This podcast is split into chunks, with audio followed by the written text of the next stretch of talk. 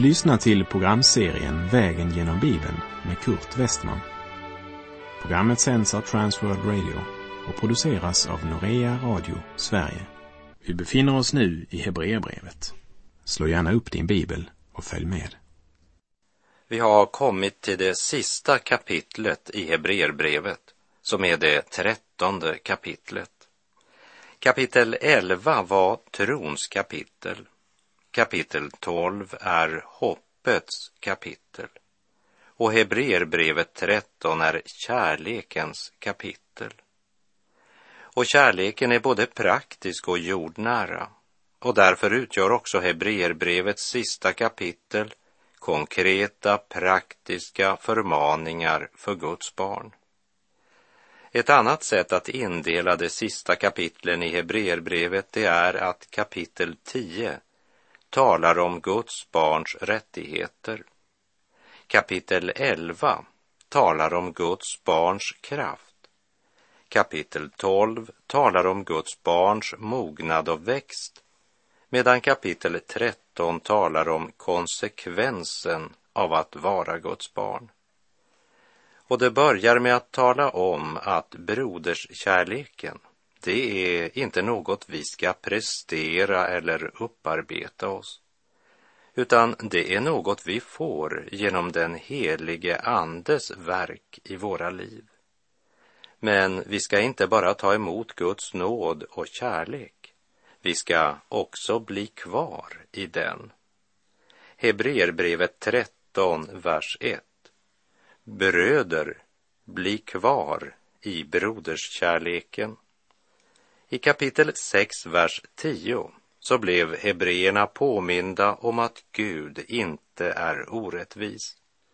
Han skulle inte glömma vad de hade gjort och vilken kärlek de hade visat hans namn genom att nu som tidigare tjäna det heliga. Och nu uppmanas de att bli kvar i den kärleken. Vi kan säga att medan kapitel 12 fokuserade mera på vårt inre liv så blir det här i kapitel 13 fokuserat mera på vårt yttre liv. Det vill säga den praktiska yttre konsekvensen av vårt inre liv. När det blir sagt bli kvar i broderskärleken så går han alltså utifrån att de vet vad han talar om. Något de redan har erfarit och praktiserat och som inte får avta med tiden. Denna kärlek är ett av Guds barns kännetecken, en av livsprinciperna i det nya livet. Livet i Gud, levande tro, det är ett liv i tro och kärlek, både i relation till Gud och till våra medmänniskor och även i relation till oss själva. Och så fortsätter han i Hebreerbrevet 13, vers 2. Glöm inte att visa gästfrihet.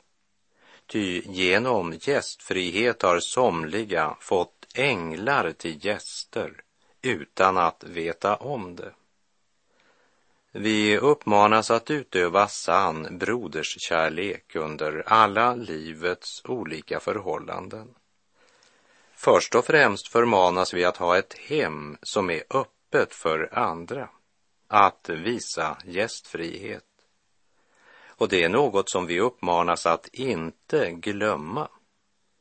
Det säger oss att vi tydligen har en tendens att glömma den saken. Vi behöver ständigt påminnas om att praktisera Kristi sinnelag. Och i Matteus kapitel 25 så påminner Jesus oss om att allt vad vi har gjort för en av dessa hans minsta bröder, det har vi gjort för honom.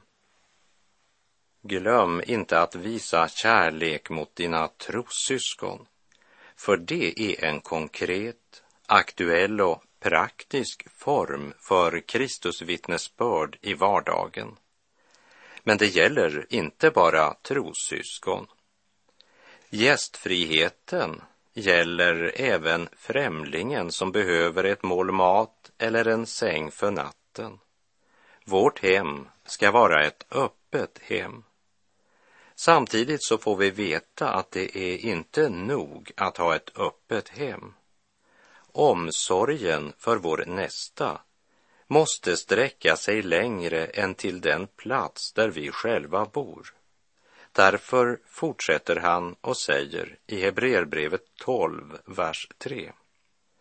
Tänk på dem som sitter i fängelse, som om ni var deras medfångar, och på dem som misshandlas, som om det gällde er egen kropp. I en annan översättning så står det Tänk på dem som sitter i fängelse som om ni vore deras medfångar och på dem som misshandlas, för de är ju lemmar på samma kropp. I Första Korinthierbrevets tolfte kapitel så uppmanar Paulus de troende, som utgörs av många olika lemmar på Kristi kropp, att ha omsorg för varandra och i Första Korinthierbrevet 12.26 skriver han Om en lem lider så lider alla lemmarna med den. Om en lem hedras gläder sig alla lemmarna med den. Tänk på dem som sitter i fängelse och på dem som misshandlas, för de är ju lemmar på samma kropp. De är lemmar på samma kropp och därför kan vi inte vara oberörda. När du klämmer fingret i bildörren så säger du inte helt likgiltigt den delen av kroppen bryr jag mig inte om. Men du känner smärtan i hela din kropp. Är det någon lem på kroppen som är sjuk och behöver besök? Är någon lem ensam är det någon som behöver tröst. Om en lem lider, så lider alla lemmarna med den. Johannes han skriver i sitt första brev kapitel 4, verserna 9 till och med 11. Så uppenbarades Guds kärlek till oss. Han sände sin enfödde son till världen för att vi skulle leva genom honom. Kärleken består inte i att vi har älskat Gud, utan i att han har älskat oss och sänt sin son till försoning för våra synder. Mina älskade, om Gud älskade oss så högt är också vi skyldiga att älska varandra. Och Hebreerbrevet 12.3 riktar särskilt vår uppmärksamhet mot den som sitter i fängelse eller misshandlas. Och det gäller både förbön och att ta sig tid att besöka dem personligen. Så orden tänk på, det handlar om något mera än en tanke. Se till att du får gjort något helt konkret för dessa som inte har den frihet och möjlighet som du har. Till de troende i Galatien skrev Paulus i Galaterbrevet 6.10. Låt oss därför göra gott mot alla människor medan vi har tillfälle och framför allt mot dem som delar vår tro.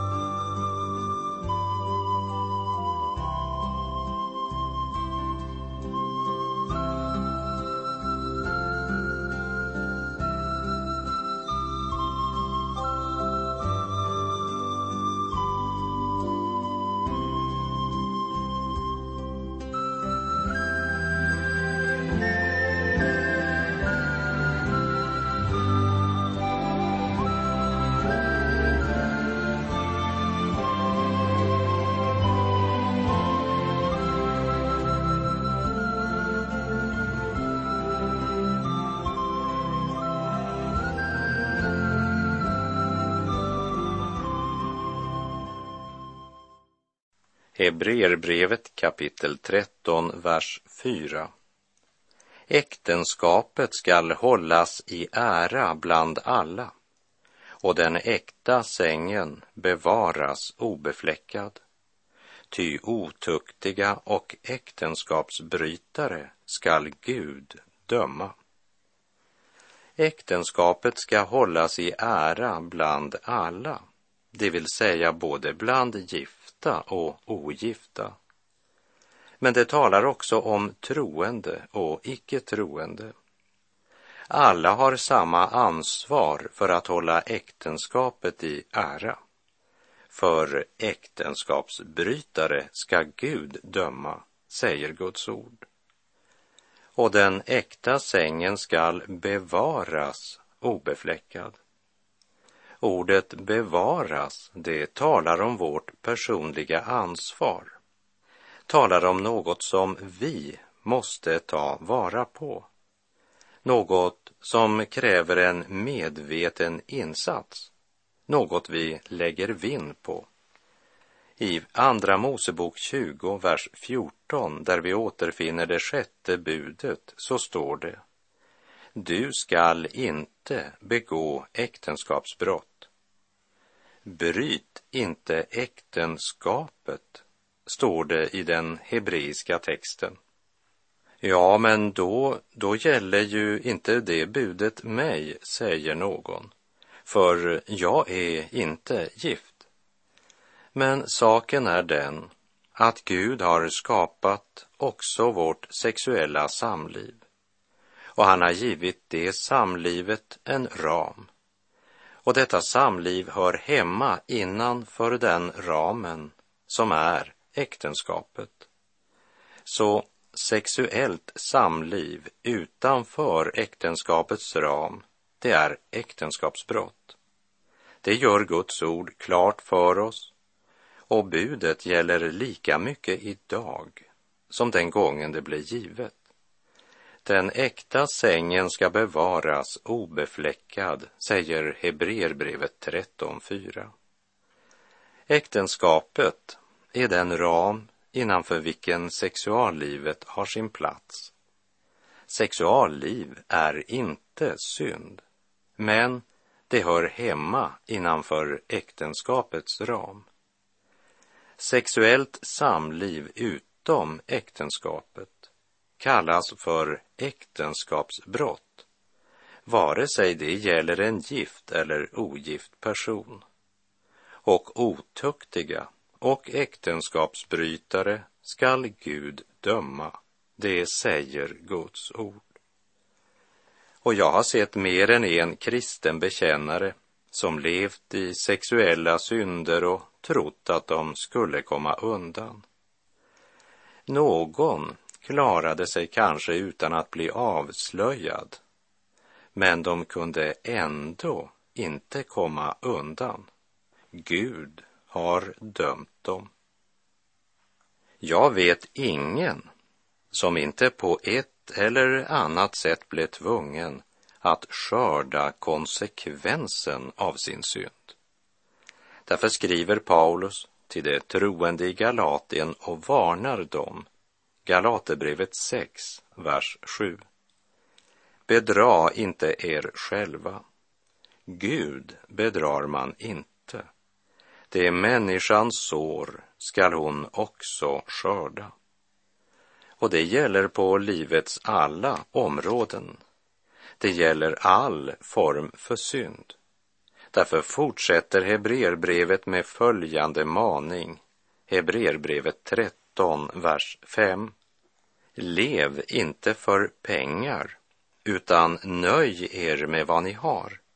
Gud har själv sagt, jag ska aldrig lämna dig eller överge dig.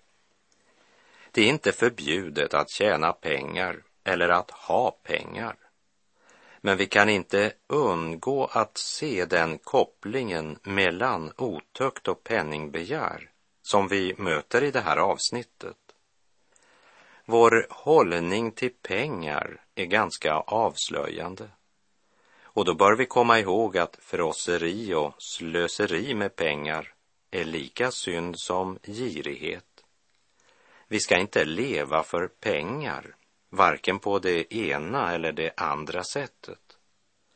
Lev inte för pengar. Lev inte heller för det som kan köpas för pengar.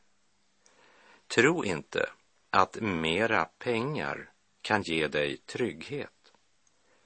Lev inte för pengar utan ha din trygghet i Guds löfte. Jag ska aldrig lämna dig eller överge dig.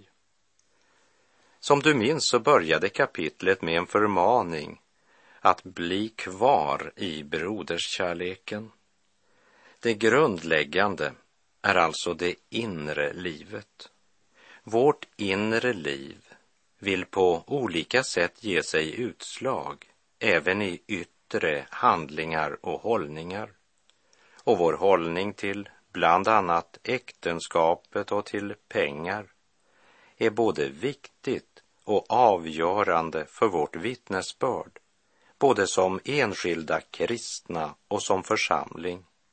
Romarbrevet 12 kapitel 2 säger Anpassa er inte efter den här världen, utan låt er förvandlas genom sinnets förnyelse, så att ni kan pröva vad som är Guds vilja, det som är gott och fullkomligt och som behagar honom. Vårt liv och våra hållningar ska inte styras av vad som behagar världen utan av vad som behagar Gud. Lev inte för pengar, varnar Hebreerbrevets författare. Paulus, han skriver till sin unge medarbetare Timoteus i Timoteusbrevet 6, vers 10. Ty kärlek till pengar är en rot till allt ont. I sitt begär efter pengar har somliga kommit bort ifrån tron och vållat sig själva mycket lidande. Egen nytta måste vi ta oss tillvara för. Och vi förstår att begäret efter jordisk rikedom är speciellt frestande och farligt. Och från vår vandring genom Matteusevangeliet så minns vi att Jesus i sin bergspredikan bland annat sa Ingen kan tjäna två herrar. Antingen kommer han då att hata den ene och älska den andre, eller kommer han att hålla sig till den ene och se ner på den andre. Ni kan inte tjäna både Gud och mammon. Eller som det är uttryckt i Hebreerbrevet, lev inte för pengar. Var nöjd med det du har. Gud har själv sagt, jag skall aldrig lämna dig eller överge dig. Herren Jesus kommer aldrig att överge mig. Och jag hoppas att även du har honom på din sida. Han är en god herde.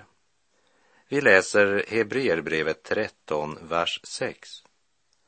Därför kan vi frimodigt säga, Herren är min hjälpare, jag skall inte frukta. Vad kan en människa göra mig? När vi läser dessa ord, då ska vi ha klart för oss att dessa hebreer eller messias troende judar som brevet blev sänt till, vare sig de bodde i Jerusalem, Judeen eller Samarien, de hade det svårt och de stod inför svåra förföljelser de närmaste åren. Och de behövde verkligen påminnas om att Herren aldrig skulle lämna dem eller överge dem. Därför skulle de frimodigt säga Herren är min hjälpare. Jag skall intet frukta. Vad kan en människa göra mig?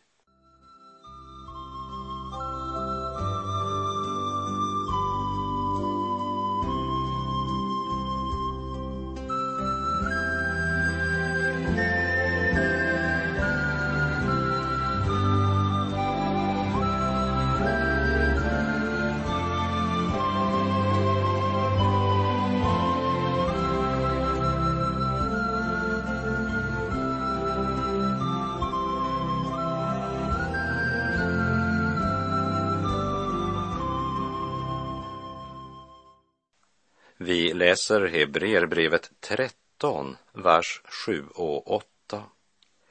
Tänk på era ledare som har predikat Guds ord för er.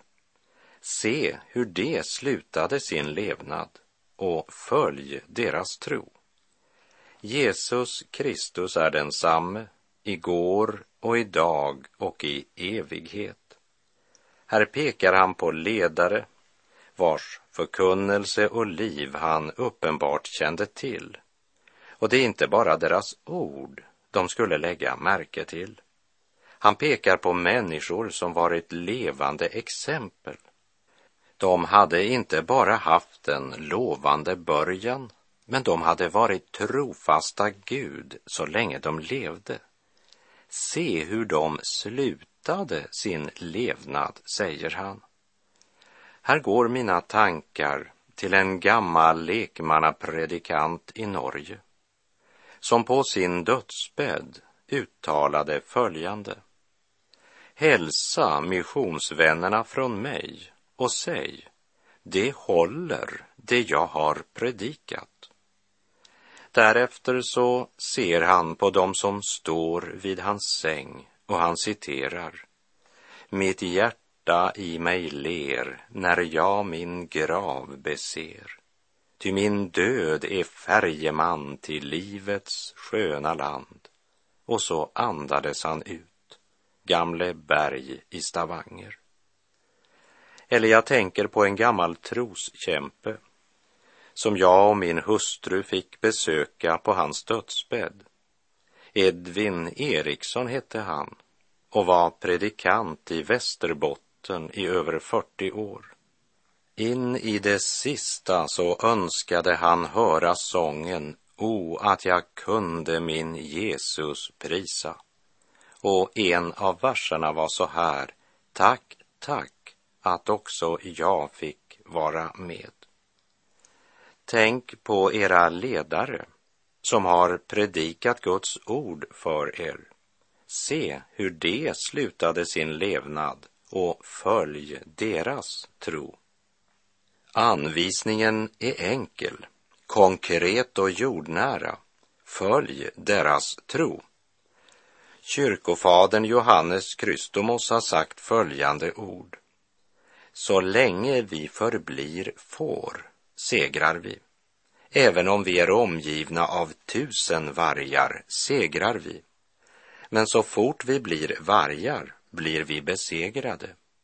Ty då förlorar vi skyddet från herden som inte mättar vargar utan bara får. Brevets mottagare uppmanas att tänka på de ledare som predikat Guds ord för dem. Och det är viktigt att lägga märke till den detaljen, Guds ord. De som verkligen hade predikat Guds ord och levt i samsvar med sin bekännelse skulle de följa i tro. Dessa som hade hållit sig till Guds ord och varit trogna intill döden. Dessa som hade haft det osynliga och det eviga för ögonen och inte det förgängliga. Dessa som hade levt för Gud och varit vidrörda av Gud och som hållit ut därför att de vilat i denna sanning. Jesus Kristus är densamme igår och idag och i evighet. Tänk på dessa ledare och följ deras tro. Den tro som proklamerar Jesus Kristus är densamme igår och idag och i evighet. Han är den som var, den som är och den som skall komma. Honom som var så myndig och stark och samtidigt så barmhärtig och god. I Markus 1.22 står det Folket häpnade över hans lära, ty han undervisade dem med auktoritet och inte som de skriftlärda. En gång gjorde han en piska av rep och drev ut ur templet alla som sålde får och oxar. Han slog ut penningväxlarnas mynt och välte omkull deras bord. Och till dem som sålde duvor sa han, ta bort det här. Gör inte min faders hus till en saluhall. Samtidigt så var han den som syndare, sjuka och krymplingar sökte sig till. Han tog sig tid med den enskilda människan, öppnade blindas ögon, gav döva deras hörsel och till männen som hade gripit en kvinna på bar gärning i äktenskapsbrott och ville stena henne, så säger Jesus, den som är utan synd må kasta första stenen på henne. Då gick de. Och Jesus frågade kvinnan, har ingen dömt dig? Hon svarade, nej, Herre, ingen. Då sade Jesus, inte heller jag dömer dig. Gå och synda inte mer. Jesus var myndig och stark, men samtidigt så full av kärlek och värme att de små barnen sökte sig till hans famn. Och han var den som proklamerade Människosonen har kommit för att uppsöka och frälsa det som var förlorat. Och han sa också jag är uppståndelsen och livet. Den som tror på mig, han ska leva även om han dör. Och så sa han, den som kommer till mig ska jag aldrig någonsin kasta ut. Och Hebreerbrevet 13.8 säger, Jesus Kristus är densamme igår, idag och i evighet. Och med det så är vår tid ute för den här gången. Jag säger på återhörande om du vill och om Herren ger oss båda en nådedag till. Herren vare med dig, må hans välsignelse vila över dig. Gud är god.